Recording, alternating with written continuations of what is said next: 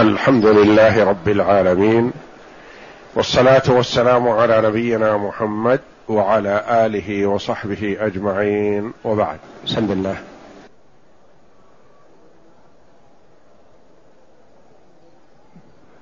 الحمد لله رب العالمين والصلاة والسلام على أشرف الأنبياء والمرسلين نبينا محمد وعلى آله وصحبه أجمعين. يقول المؤلف رحمه الله تعالى أما بعد فهذا اعتقاد الفرقة الناجية المنصورة إلى قيام الساعة أهل السنة والجماعة. أما بعد وهو ك... الإيمان وهو وهو الإيمان بالله وملائكته وكتبه ورسله والبعث بعد الموت والإيمان بالقدر خيره وشره. قوله أما بعد. قوله أما بعد كلمة يؤتى بها للدلالة على الشروع في المقصود. وكان قول المؤلف رحمه الله تعالى بعد المقدمة بعد قوله وأشهد أن لا إله إلا الله وحده لا شريك له إقرارا به وتوحيدا. وأشهد أن محمدا عبده ورسوله صلى الله عليه وعلى آله وصحبه وسلم تسليما مزيدا. أما بعد يقول المؤلف الإمام شيخ الإسلام ابن تيمية رحمه الله. أما بعد أما بعد هذه كلمة يؤتى بها للدلالة على الشروع في المقصود. مثل الخطيب يوم الجمعة يأتي بالمقدمة الحمد والشهادة والصلاة والسلام على رسول الله صلى الله عليه وسلم. ثم يقول أما بعد أيها الناس ثم يبدأ بالخطبة. واختلف في أول من جاء بها. فقيل داود عليه السلام وقيل آدم وقيل سحبان وائل مشهور بالبلاغة والفصاحة. وقيل قس بن ساعدة وقيل غير ذلك وأشهرها أن أول من جاء بها هو داود على نبينا وعليه أفضل الصلاة والسلام. كلمة يؤتى بها للدلالة على الشروع في المقصود وهي نائبة عن اسم الشرط وفعله. أما بعد فكذا. وما يأتي بعد الفاء هو جواب الشرط. أما بعد فهذا اعتقاد هذا هو جواب الشرط. وكان النبي صلى الله عليه وسلم يستعملها في خطبه إذا خطب يوم الجمعة. كما يستعملها في مكاتباته. إذا كتب للملوك ووجهاء الأرض في دعوتهم إلى الله جل وعلا. نعم.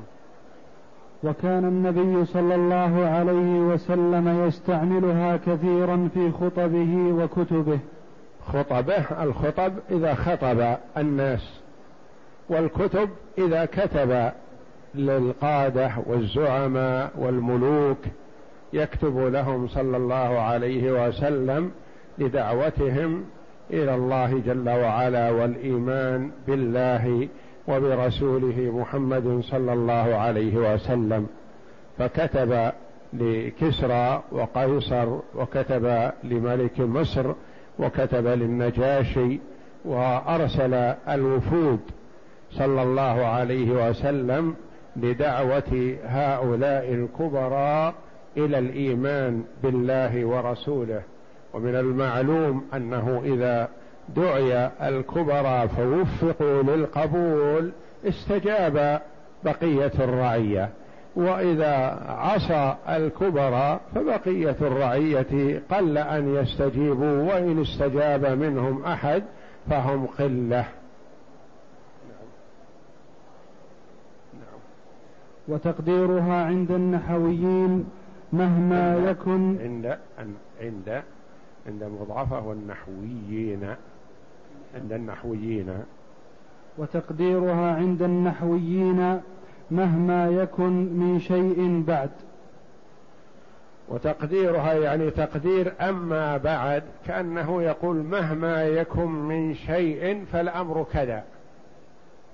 يعني هذا هو المقصود. يعني ما يأتي بعدها هو المقصود هو الغرض من الكتابة هو الغرض من وقوفي أمامكم هو الغرض من تكلمي معكم. أما بعد فكذا. نعم. والإشارة بقوله هذا إلى ما تضمنه هذا المؤلف من العقائد الإيمانية التي أجملها في قوله وهو الإيمان بالله إلى آخره. هذا أما بعد فهذا اعتقاد.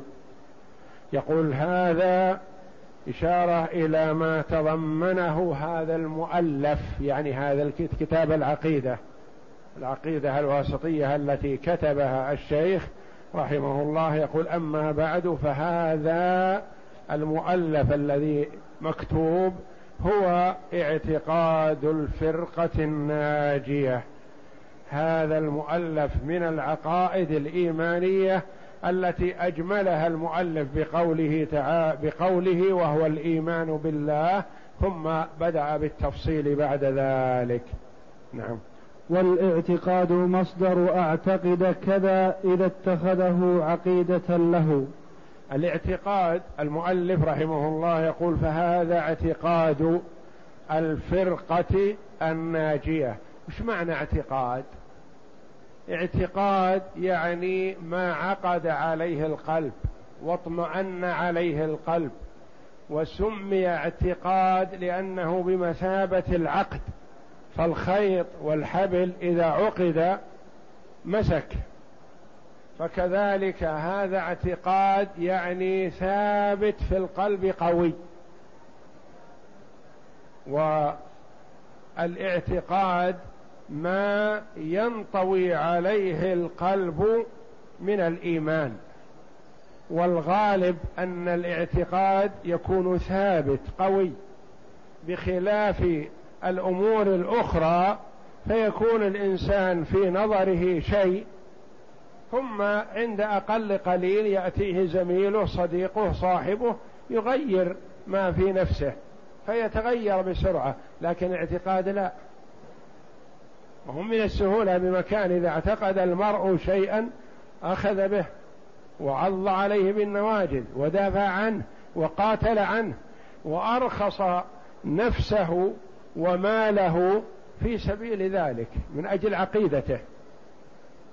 ولهذا قتال الكفار إذا جاهد المسلم في سبيل الله فهو يجاهد ويقاتل من أجل عقيدته من أجل ما يعتقد بوحدانية الله جل وعلا.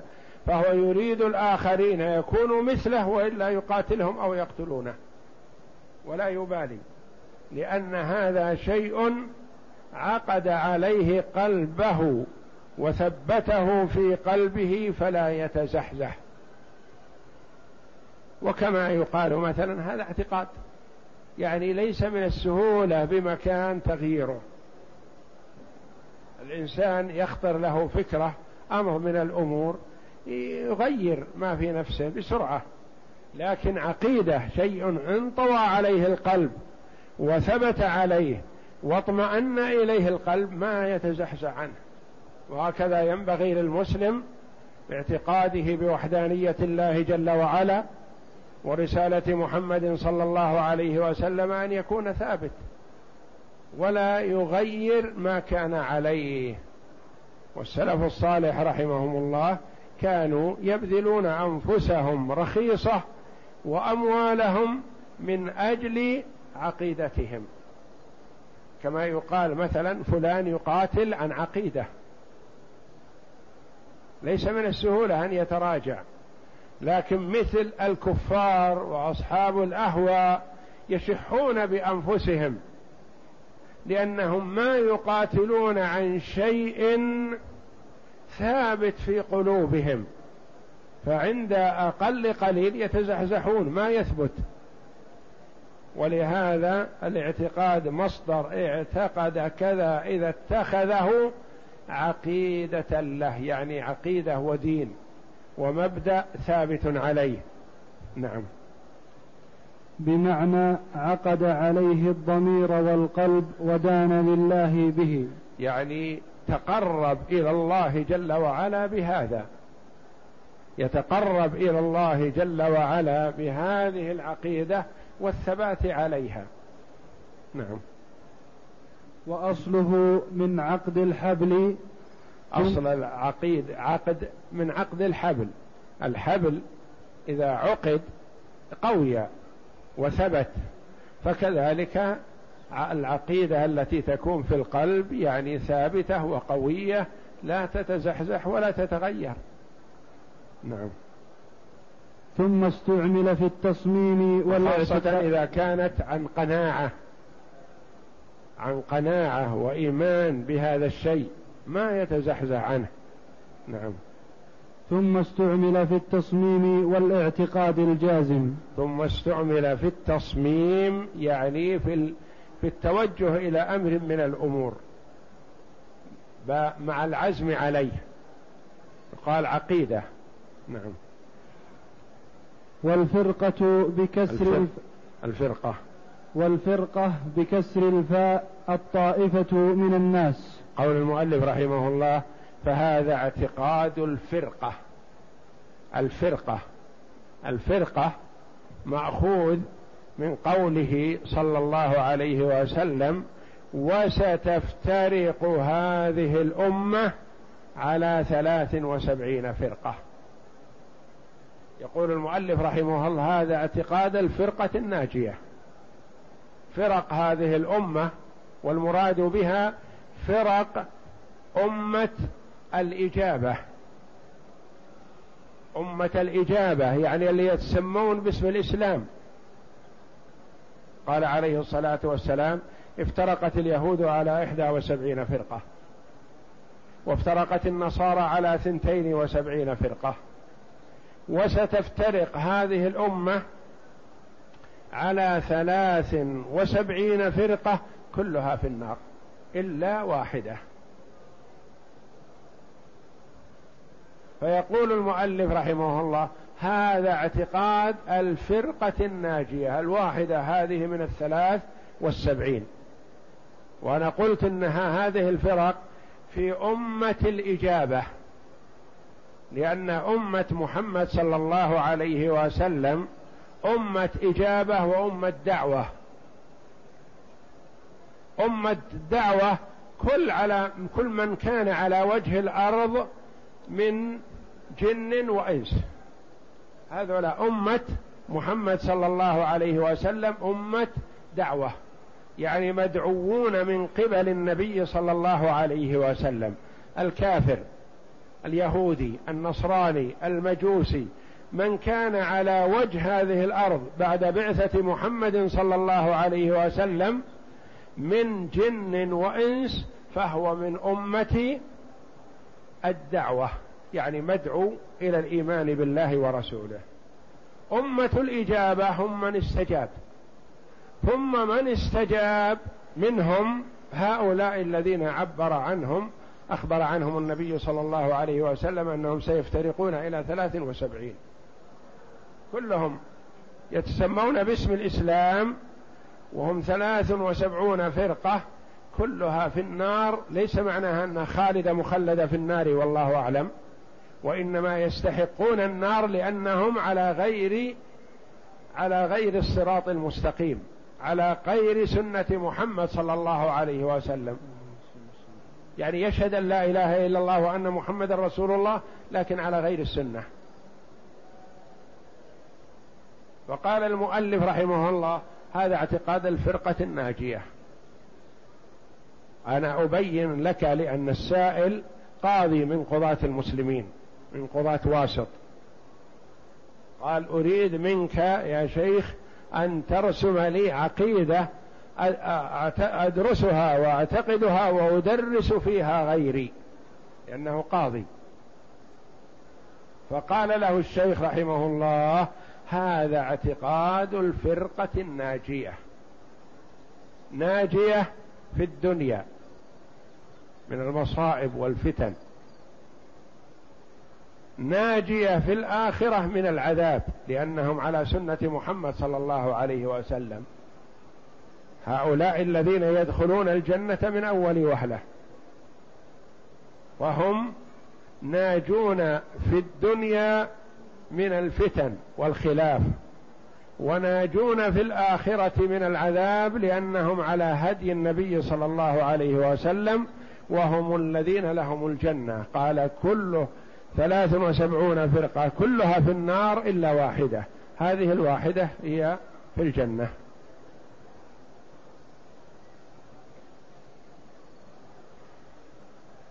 ولذا لا ينبغي للإنسان أن يغتر بالكثرة أبدا.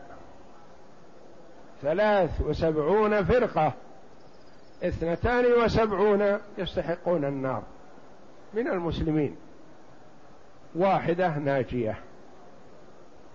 والله جل وعلا يقول وإن تطع أكثر من في الأرض يضلوك عن سبيل الله ويقول وما أكثر الناس ولو حرصت بمؤمنين فلا يغتر الإنسان بالكثرة.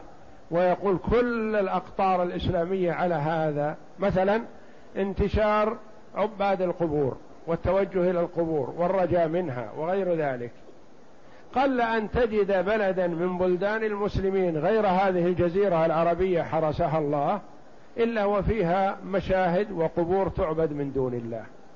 فلا يغتر الإنسان يقول هذا دين لأن هذا في جميع أقطار العالم الإسلامي.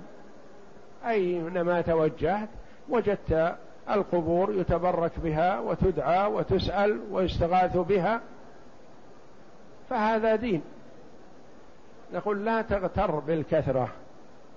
الكثرة ليست بدليل. وكما قال بعض السلف كان يدعو في المطاف ويقول اللهم اجعلني من القلة اللهم اجعلني من القلة. فقيل له في ذلك فقال نعم القلة هم المؤمنون القلة هم الذين على الحق والأكثرية على الضلال. وإن تطع أكثر من في الأرض يضلوك عن سبيل الله. فهذه فرقة واحدة ناجية من ثلاث وسبعين يعني اثنتان وسبعون فرقة هالكة. ولا يقال إنهم كفار ولا يقال إنهم خالدون مخلدون في النار لا. هؤلاء عندهم مخالفات يستحقون عليها دخول النار. الفرقة بكسر الفاء الطائفة من الناس.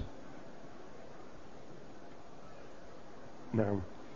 ووصفها بأنها الناجية المنصورة أخذا من قوله عليه السلام لا تزال طائفة من أمتي على الحق منصورة لا يضرهم من خذلهم حتى يأتي أمر الله. وسماها منصورة الفرقة الناجية المنصورة. قال اخذا من قوله صلى الله عليه وسلم لا تزال طائفة من أمتي على الحق منصورة. هذه بشارة من النبي صلى الله عليه وسلم لهذه الأمة بأن حجة الله تكون قائمة على الخلق وأنه يكون مهما كثر الضلال والفجور والانحراف في العقيدة والمبادئ وانتشرت لا تزال طائفة. والطائفة هذه قد تكون اثنان ثلاثة خمسة عشرة مليون أقل أكثر. لأن الفرقة الجماعة من الناس. وأن وأنه لا تزال هذه الجماعة مهما ساءت الأحوال سيوجد. من يكون على الدين الحق وعلى سنة محمد صلى الله عليه وسلم. فليحرص المسلم أن يكون من هؤلاء. يتمسك بالقرآن والسنة. ويدع من خرج عنهما. يعض عليهما بالنواجذ. لا تزال طائفة من أمتي على الحق منصورة. منصورة في الدنيا. ومنصورة في الآخرة. منصورة في الدنيا تسلم من الشرور بإذن الله.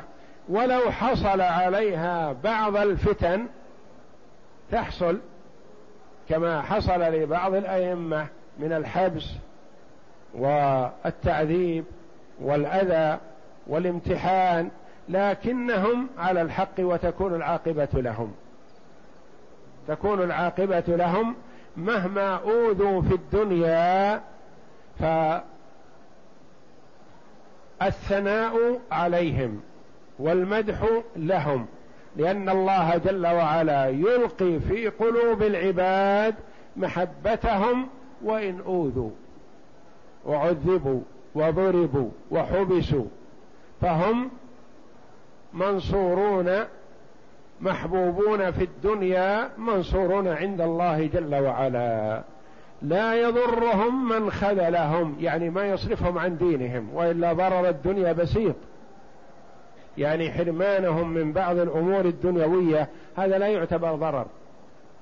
حبسهم لا يعتبر ضرر. إنما الضرر هو الضرر في الدين.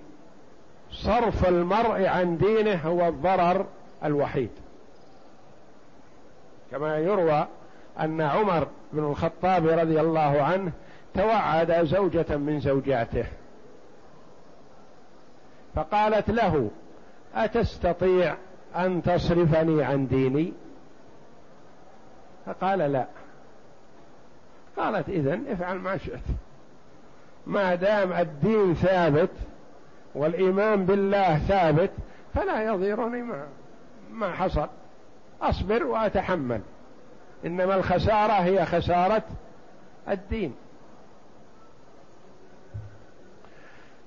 فقوله صلى الله عليه وسلم لا يضرهم من خذلهم يعني لا يضرهم في دينهم ولا يصرفهم عن دينهم مهما نالهم من المصائب.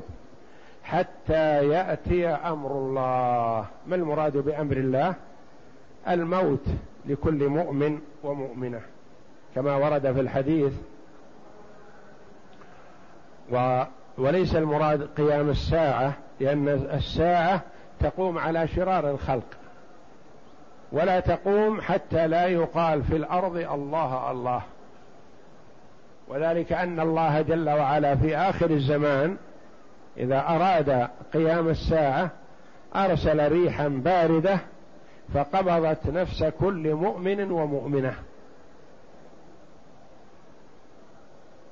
فلا يبقى في الأرض من في قلبه مثقال ذرة من إيمان.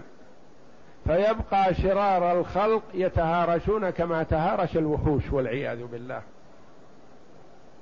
وعليهم تقوم الساعة.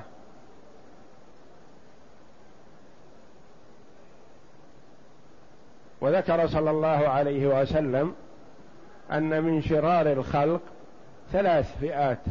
الذين يتخذون القبور مساجد والذين يتخذون على القبور السرج والذين تقوم عليهم الساعة وهم أحياء.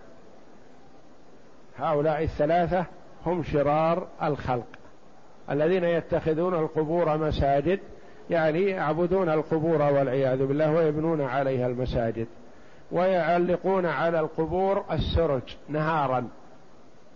كما هو في بعض البلدان مثلا إذا جيت القبر إلى فوق النصيلة من قبره سراج معلق في رابعة النهار في الضحى. مخالفة صريحة لنهي النبي صلى الله عليه وسلم. والذين تدركهم الساعة وهم أحياء الذين تقوم عليهم الساعة شرار الخلق. حتى يأتي أمر الله يعني يأتي أمر الله جل وعلا بموتهم. إذا جاء أمر الله بموت الأخيار بقي الأشرار وعليهم تقوم الساعة. نعم. ومن قوله في الحديث الآخر ستفترق هذه الأمة إلى ثلاثة وسبعين فرقة. على ثلاث. على ثلاث وسبعين فرقة. كلهم في النار إلا واحدة وهي ما كان على مثل وهي, وهي ما كان على مثل ما وهي من كان؟ وهي من كان على مثل ما أنا عليه اليوم وأصحابي. ومن قوله صلى الله عليه وسلم ستفترق هذه الأمة على ثلاث وسبعين فرقة. جهمية أشاعرة معتزلة جبرية مرجئة مأوى وإلى آخره. فرق كثيرة. على ثلاث وسبعين فرقة كلهم في النار إلا واحدة. قالوا يا رسول الله من هي هذه الواحدة؟ واحدة من ثلاث وسبعين. اثنتان وسبعون هالكة. واحدة ناجية؟ قال نعم. وهي من كان على مثل ما أنا عليه. يؤمنون بالله ورسوله ومرجعهم الكتاب والسنة. كتاب الله وسنة رسوله صلى الله عليه وسلم. لا يرجعون إلى الأهواء ولا إلى أقوال الرجال وينبذون الكتاب والسنة وإنما يأخذون بما دل عليه الكتاب والسنة. ما دل عليه الكتاب والسنة فعلى العين والرأس وما لا فلا.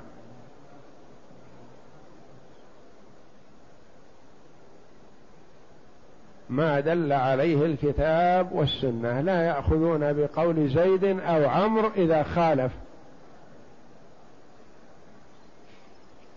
وهذا إذا اتضح الكتاب إذا إذا وجد في الكتاب أو السنة فلا يجوز لمسلم مهما كان الأمر أن يخالفهما إلى قول شخص أيا كان. إذا لم يوجد في الكتاب والسنة شيء في هذا أو يخالف هذا فيرجع المرء إلى اجتهاد العلماء رحمهم الله. يعني أحيانا يقول المرء هذا قول إمامنا وأنا أثق به. نقول, نعم. إذا لم يخالف الكتاب والسنة فنعم من حقك أن تأخذ به. ونختلف نحن وإياك لا بأس. لكن تأخذ بقول إمامك وتترك الكتاب والسنة لا هذا المحرم.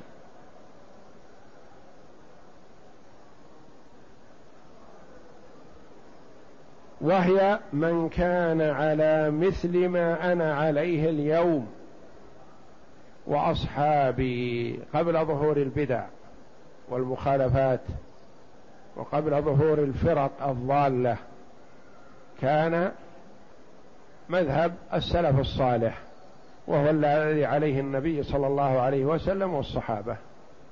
وما خالفهما يضرب به عرض الحائط. والنبي صلى الله عليه وسلم لما بعث معاذ رضي الله عنه إلى اليمن معلما وداعيا وحاكما قال له بما تحكم؟ قال بكتاب الله. إذا وجدت شيئا في كتاب الله ما أخرج عنه. قال فإن لم تجد قال فبسنة رسول الله صلى الله عليه وسلم. قال فإن لم تجد ما عندك في هذه القضية نص من كتاب ولا نص من سنة ما تفعل ماذا تفعل؟ قال أجتهد رأيي ولا آلو يعني أنصح وأجتهد. فقال رسول الله صلى الله عليه وسلم الحمد لله الذي وفق رسول رسول الله صلى الله عليه وسلم لما يرضي رسول الله. من هو رسول رسول الله؟ هو معاذ رضي الله عنه. وفقه الله لهذا بأنه ما قال أجتهد. بما تحكم قال أجتهد. لا قال بكتاب الله. ما في مجال للاجتهاد مع نص الكتاب. ما وجد في الكتاب وإنما وجد في السنة لأن السنة توضح قد يكون في الكتاب عمومات. أقيموا الصلاة وآتوا الزكاة. أمر بإقام الصلاة وإيتاء الزكاة. ما قال صلاة الفجر ركعتان وصلاة الظهر أربع وصفتها كذا. فإن لم تجد في كتاب الله بيان ما تريد قال بسنة رسول الله صلى الله عليه وسلم. قال فإن لم تجد قضية حصلت بين اثنين عندك ما فيها نص من كتاب ولا سنة. قال أجتهد رأيي ولا آلو ما أذخر. فقال الحمد لله الذي وفق رسول رسول الله لما يرضي رسول الله. اللهم صل على محمد. فالمؤلف رحمه الله يقول هذه العقيدة التي أكتبها هي عقيدة الفرقة الناجية. هي التي دل عليها الكتاب والسنة. وهي التي أخذ بها الصحابة رضي الله عنهم وعضوا عليها بالنواجذ. فالموفق من أخذ بها وعض عليها بالنواجذ. والإمام ابن تيمية رحمه الله ليس بمعصوم لكنه ما جاء بشيء من عنده وإنما وضح لنا الكتاب والسنة رحمه الله. يحثوننا على حفظها لأنها عقيدة صافية مختصرة جامعة مفيدة جدا وتكون رصيد لطالب العلم وليست بمطولة. أو فيها نقولات وإنما هي مختصرة وسهل حفظها على من وفقه الله. ودروسنا لها فيها قليلة اليومية فممكن حفظ كل درس وضمه مع ما قبله حتى يكتمل حافظا لها بإذن الله. وهي يحتاجها الصغير والكبير يحتاجها طالب العلم وغيره يحتاجها العالم ومن دونه ما يستغني عنها لأنها أصول ثابتة. يحتاجها المرء يرجع إليها في جميع أموره فيما يتعلق بالعقيدة.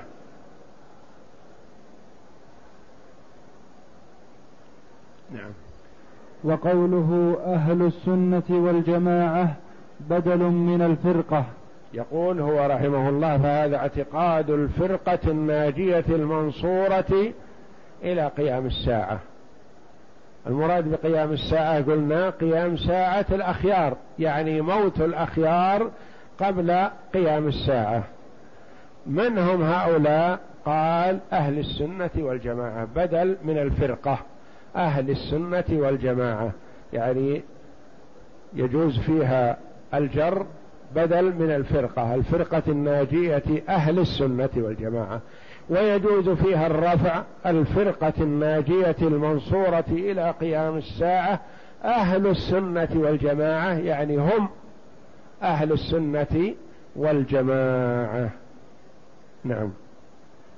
والمراد بالسنة الطريقة التي كان عليها رسول الله صلى الله عليه وسلم وأصحابه قبل ظهور البدع والمقالات. المراد بالسنة لأن تأتي كلمة السنة لطريقة الرسول صلى الله عليه وسلم والصحابة وهذه يجب الأخذ بها ولا يعذر بتركها. وهناك سنة يستحب الأخذ بها. مثل ما تقول مثلا سنة الفجر. صلاة ركعتين قبل الفجر. سنة الفجر. سنة الظهر. أربع ركعات قبل الظهر. لو ما صلى المرء سنة الفجر يكون مخطي لا. لو ما صلى سنة الظهر يكون مخطي خارج عن السنة والجماعة؟ لا. إذا فكلمة السنة تطلق حسب تعريف الأصوليين على أنها ما يثاب فاعله ولا يعاقب تاركه. يعني يثاب فاعله. اللي يصلي سنة الظهر مثلا يثاب؟ نعم. لو ما صلى سنة الظهر يعاقب؟ لا لا عقوبة. نعم. السلام سنة ورده واجب. لو ما سلم مر على صاحبه ولا سلم. يأثم؟ لا. فإذا سلم يؤجر. هذا تعريف السنة عند الأصوليين. الذي يثاب فاعله ولا يعاقب تاركه. لكن السنة المرادا بها سنة محمد صلى الله عليه وسلم وطريقته وهديه هذا يجب الأخذ به. ومن خالف سنة الرسول صلى الله عليه وسلم فهو من الفرق الضالة. يعني الفرقة الناجية هم أهل السنة سنة الرسول صلى الله عليه وسلم. من عداهم الفرق الهالكة الضالة المنحرفة. والمراد بالسنة الطريقة التي كان عليها رسول الله صلى الله عليه وسلم وأصحابه قبل ظهور البدع لأن البدع ظهرت في آخر عصر الصحابة رضي الله عنهم. في آخر عصر الصحابة رضي الله عنهم ظهر بشيء من البدع والضلالات وحذر منها الصحابة رضي الله عنهم. ثم حذر منها التابعون رحمهم الله وهكذا. وأول من خرج من هؤلاء في عهد النبي صلى الله عليه وسلم لكنه فرد. جاء معترض على النبي صلى الله عليه وسلم. أبدى اعتراضه فتأثر الصحابة رضي الله عنهم فقام أحدهم قال يا رسول الله أضرب عنقه؟ قال لا. يخرج من ضئضئ هذا قوم وذكر صلى الله عليه وسلم من صفاتهم في الصلاة والعبادة والصيام والتقرب إلى الله لكنهم يمرقون من الدين كما يمرق السهم من الرمية. عندهم الصلاة والصيام لكن لا دين لهم. يعني يفسدون هذه الأعمال باعتقادات سيئة. كالخوارج مثلا. الخوارج يحيون الليل بالصلاة ويصومون النهار ويتقربون إلى الله لكنهم يكفرون الصحابة رضي الله عنهم. وتكفير الصحابة تكذيب للرسول عليه الصلاة والسلام. وهكذا كل من كفر الصحابة فهو مكذب للرسول صلى الله عليه وسلم. ما شهد أن محمد رسول الله. يعني كأنه يقول إن الرسول يجهل أو ما يدري أو يكذب. حاشاه وكلا عليه الصلاة والسلام. الرسول عليه الصلاة والسلام يشهد لأناس بالجنة. فيأتي قوم ظلال يكفرونهم. يقول ذولا كفار. كيف الرسول يشهد لهم بالجنة والشقي يكفرهم؟ هل أنت أعلم بهم من رسول الله صلى الله عليه وسلم؟ وهل الرسول يقول عن هوى أو عن خرص أو نحو ذلك؟ والله جل وعلا يقول عنه وما ينطق عن الهوى. يعني تكفيرهم للصحابة تكذيب للرسول ورد للقرآن. أن الرسول عليه الصلاة والسلام أخبر عنهم أنهم في الجنة. يقول لا هذول كفار هذول في النار. الله جل وعلا قال في كتابه العزيز عن الرسول عليه الصلاة والسلام وما ينطق عن الهوى. يقول لا قال كلام ما هو صحيح هذا كفر. يعني يوصلهم اعتقادهم هذا إلى الكفر والخروج من ملة الإسلام. وإن صلوا وصاموا كما قال عليه الصلاة والسلام تحقرون صلاتكم عند صلاتهم وصيامكم عند صيامهم. يقرؤون القرآن. لا يجاوز حناجرهم يعني يقرؤونه بألسنتهم ما يصل إلى قلوبهم. يمرقون من الدين كما يمرق السهم من الرمية يعني لا دين عندهم.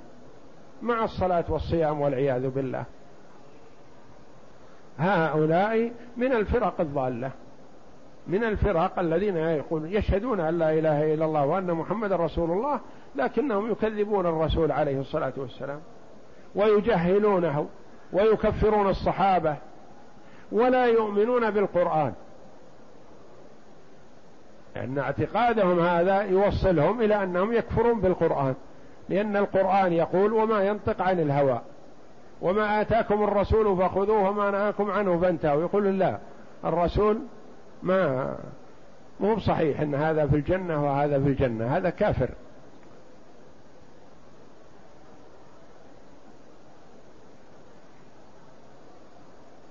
قبل ظهور البدع والمقالات المقالات المنحرفة. لأن الصحابة رضي الله عنهم كانوا على هدي محمد صلى الله عليه وسلم عضوا عليه بالنواجذ وفهموا معناه على ما قاله الرسول عليه الصلاة والسلام.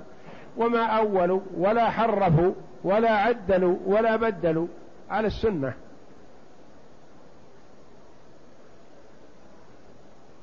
وأئمة الصحابة وعلماء الصحابة رضي الله عنهم حذروا من البدع كعبد الله بن مسعود رضي الله عنه وعبد الله بن عباس رضي الله عنه وغيرهم من كبار الصحابة وصغارهم رضي الله عنهم وأرضاهم كانوا يحذرون من البدع. وينابذون أهل البدع العدا يظهرون لهم العدا ولا يجاملونهم. نعم. والجماعة في الأصل القوم المجتمعون. القوم المجتمعون الجماعة. يقال هؤلاء جماعة يعني طريقتهم واحدة مبدأهم واحد عقيدتهم واحدة. هؤلاء الجماعة بخلاف غيرهم فهم متنابذون متف... مختلفون متفارقون. نعم. والمراد بهم هنا سلف هذه الأمة من الصحابة والتابعين الذين اجتمعوا على الحق الصريح من كتاب الله تعالى وسنة رسوله صلى الله عليه وسلم. المراد بالجماعة هنا سلف هذه الأمة من الصحابة والتابعين ومن بعدهم من سلك مسلكهم إلى يوم القيامة إلى أن لا يبقى في الأرض مسلم. يقال الرجل المتمسك بالكتاب والسنة اليوم وغدا وبعد غد وقبل ذلك كله هذا من أهل السنة والجماعة. ليس أهل السنة والجماعة محصورون فقط في أصحاب الرسول عليه الصلاة والسلام أو في العلماء بعدهم من التابعين أو من تابع التابعين إلى أن يرث الله الأرض ومن عليها حتى ما دام في الأرض مسلم فأهل السنة والجماعة موجودون قائمون بأمر الله يقلون في أزمنة ويكثرون في أزمنة يجتمعون في أزمنة وتكون لهم دولة وقوة ويضعفون في أزمنة ولا يكون لهم قوة ولا دولة وهم على الحق. يتفاوتون والأزمان تتفاوت والعصور تختلف.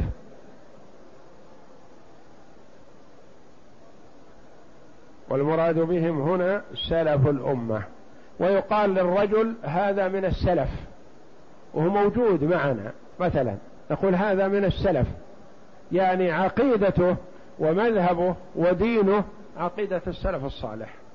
فهو واحد من السلف. ليس معنى السلف اللي ماتوا وانتهوا هذا منهم يعني مثلهم. هذا من السلف. هذه عقيدة السلف.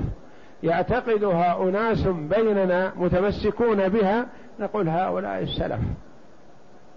وليست السلفية تمني أو تحلي وإنما هو شيء إذا طبقوا الكتاب والسنة هذا هو السلف.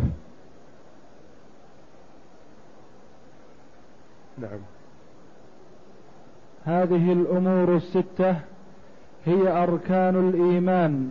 هذه الأمور الستة وهي الإيمان بالله وملائكته وكتبه ورسله والبعث بعد الموت والإيمان بالقدر خيره وشره. وهذا تأتي في الدرس القادم إن شاء الله. والله أعلم وصلى الله وسلم وبارك على عبد ورسول نبينا محمد وعلى آله وصحبه أجمعين. يقول السائل دلونا حفظكم الله على هذه الفرقة الناجية بأشخاصهم وأين هم؟ لأن الكل الآن يزعم اتباع, اتباع الكتاب والسنة وإلى الله المشتكى. هؤلاء ما يصلح أن يدل عليهم بأشخاصهم وإنما يدل عليهم بمبدأهم وعقيدتهم ومنهجهم. منهج السلف الصالح الكتاب والسنة.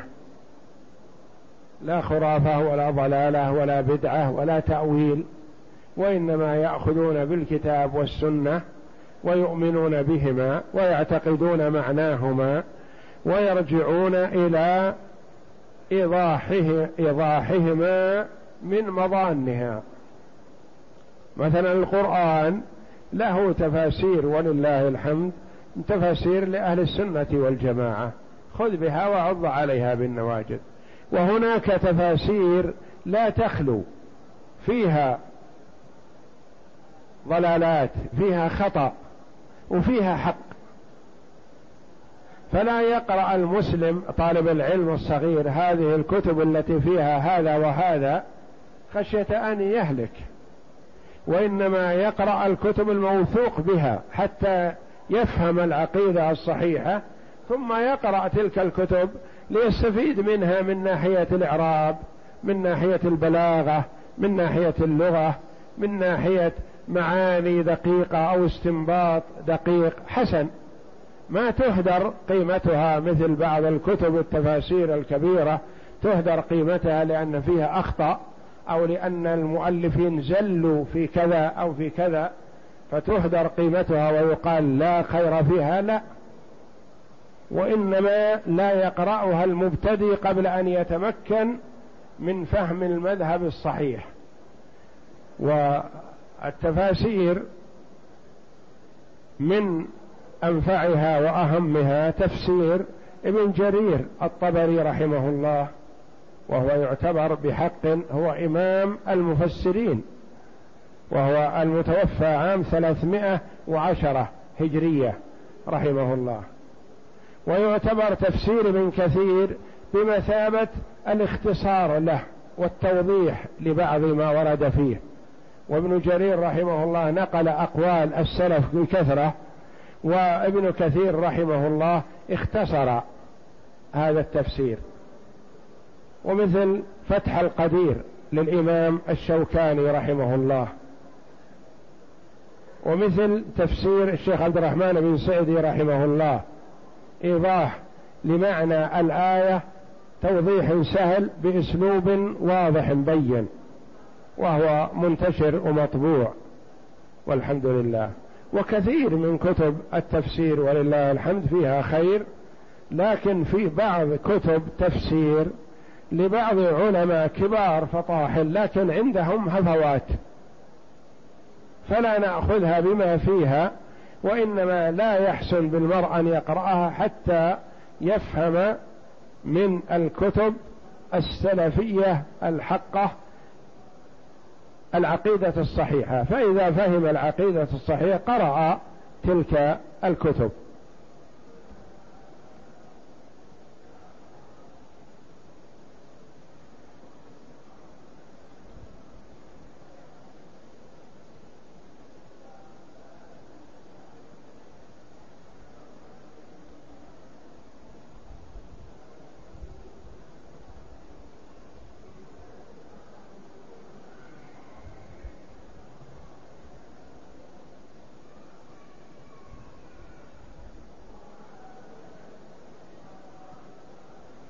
فضيلة الشيخ يقول السائل في قوله صلى الله عليه وسلم لا تشد الرحال إلا إلى ثلاثة مساجد. في الحديث مستثنى منه محذوف ما تقديره وما توجيهات الحديث. هذا واضح والحمد لله. إلا لا تشد الرحال إلا إلى ثلاثة مساجد. يعني شد الرحال للعبادة. لتفضيل بقعة عن بقعة لا تشد إلا إلى ثلاث بقاع المسجد الحرام ومسجدي هذا يقول عليه الصلاة والسلام والمسجد الأقصى. ثلاثة المساجد هذه. وبين صلى الله عليه وسلم فضلها. المسجد الحرام الصلاة فيه بمائة ألف صلاة فيما سواه. والمسجد النبوي الصلاة فيه بألف صلاة فيما سواه. والمسجد الأقصى الصلاة فيه بخمسمائة صلاة فيما سواه إلا المسجدين خلصه الله من أيدي اليهود. فهذه المساجد هي التي تشد الرحال إليها. وهذا من النبي صلى الله عليه وسلم من علامات النبوة والتوجيه للأمة. يقول لا تشد الرحال إلى مسجد في كذا أو مسجد في كذا. لا تشد الرحال إلى مسجد العباس. مسجد العباس ما وجد في عهد النبي صلى الله عليه وسلم في الطائف. لا تشد الرحال إليه. لا تقول أروح أزور مسجد العباس أو مسجد الأزهر أو مسجد كذا أو مسجد كذا في بلد كذا. لا. هذا ليس بقربة ولا يجوز. ولا تشد الرحال إلى مشهد كذا ولا إلى مشهد كذا ولا إلى قبر فلان ولا إلى قبر علان لا. وإنما تشد الرحال توجه إلى الله للعبادة إلى ثلاثة مساجد. المسجد الحرام وفيه الحج والعمرة. والمسجد النبوي زيارة المسجد النبوي. والمسجد الأقصى زيارة المسجد الأقصى. حتى مسجد قباء الذي كان النبي صلى الله عليه وسلم يتوجه إليه غالبا كل سبت ويصلي فيه ركعتين عليه الصلاة والسلام أو ما تيسر. ما يجوز للإنسان في مكة أو في الرياض أو في أي مكان يقول أذهب أرتحل لأجل أصلي في مسجد قباء. نقول لا لا تشد الرحال إلى مسجد قباء. قل أزور المسجد النبوي؟ نقول نعم على العين والرأس أحسنت. فإذا وصلت المسجد النبوي وكنت في المدينة ما يحتاج إلى شد رحل لقباء تروح تذهب ماشي ولا راكب؟ سيان. فكان السلف يحرصون على أن يذهبوا إلى مسجد قباء ماشيا كما كان النبي صلى الله عليه وسلم يمشي. فيذهب إليه ماشيا وراكبا عليه الصلاة والسلام. كان بعض السلف يذهب إليه ماشيا ويعود إليه منه راكبا اقتداء بالنبي صلى الله عليه وسلم. فلا يجوز للمسلم أن يتوجه إلى أي مسجد أو مشهد أو بقعة على سبيل التقرب إلى الله بالعبادة في ذلك المكان إلا هذه الثلاثة وما عداها فلا. نعم تذهب إلى الرياض لتزور أقاربك هذا حسن. زيارة أقارب. لا انت لا أن تزور المسجد كذا في الرياض وإنما تذهب لزيارة الأقارب وصلة الرحم. فالنبي صلى الله عليه وسلم يحذر الأمة من البدع المنتشرة الآن وهو عليه الصلاة والسلام انتشرت بعده وهو يحذر منها. الله أكبر.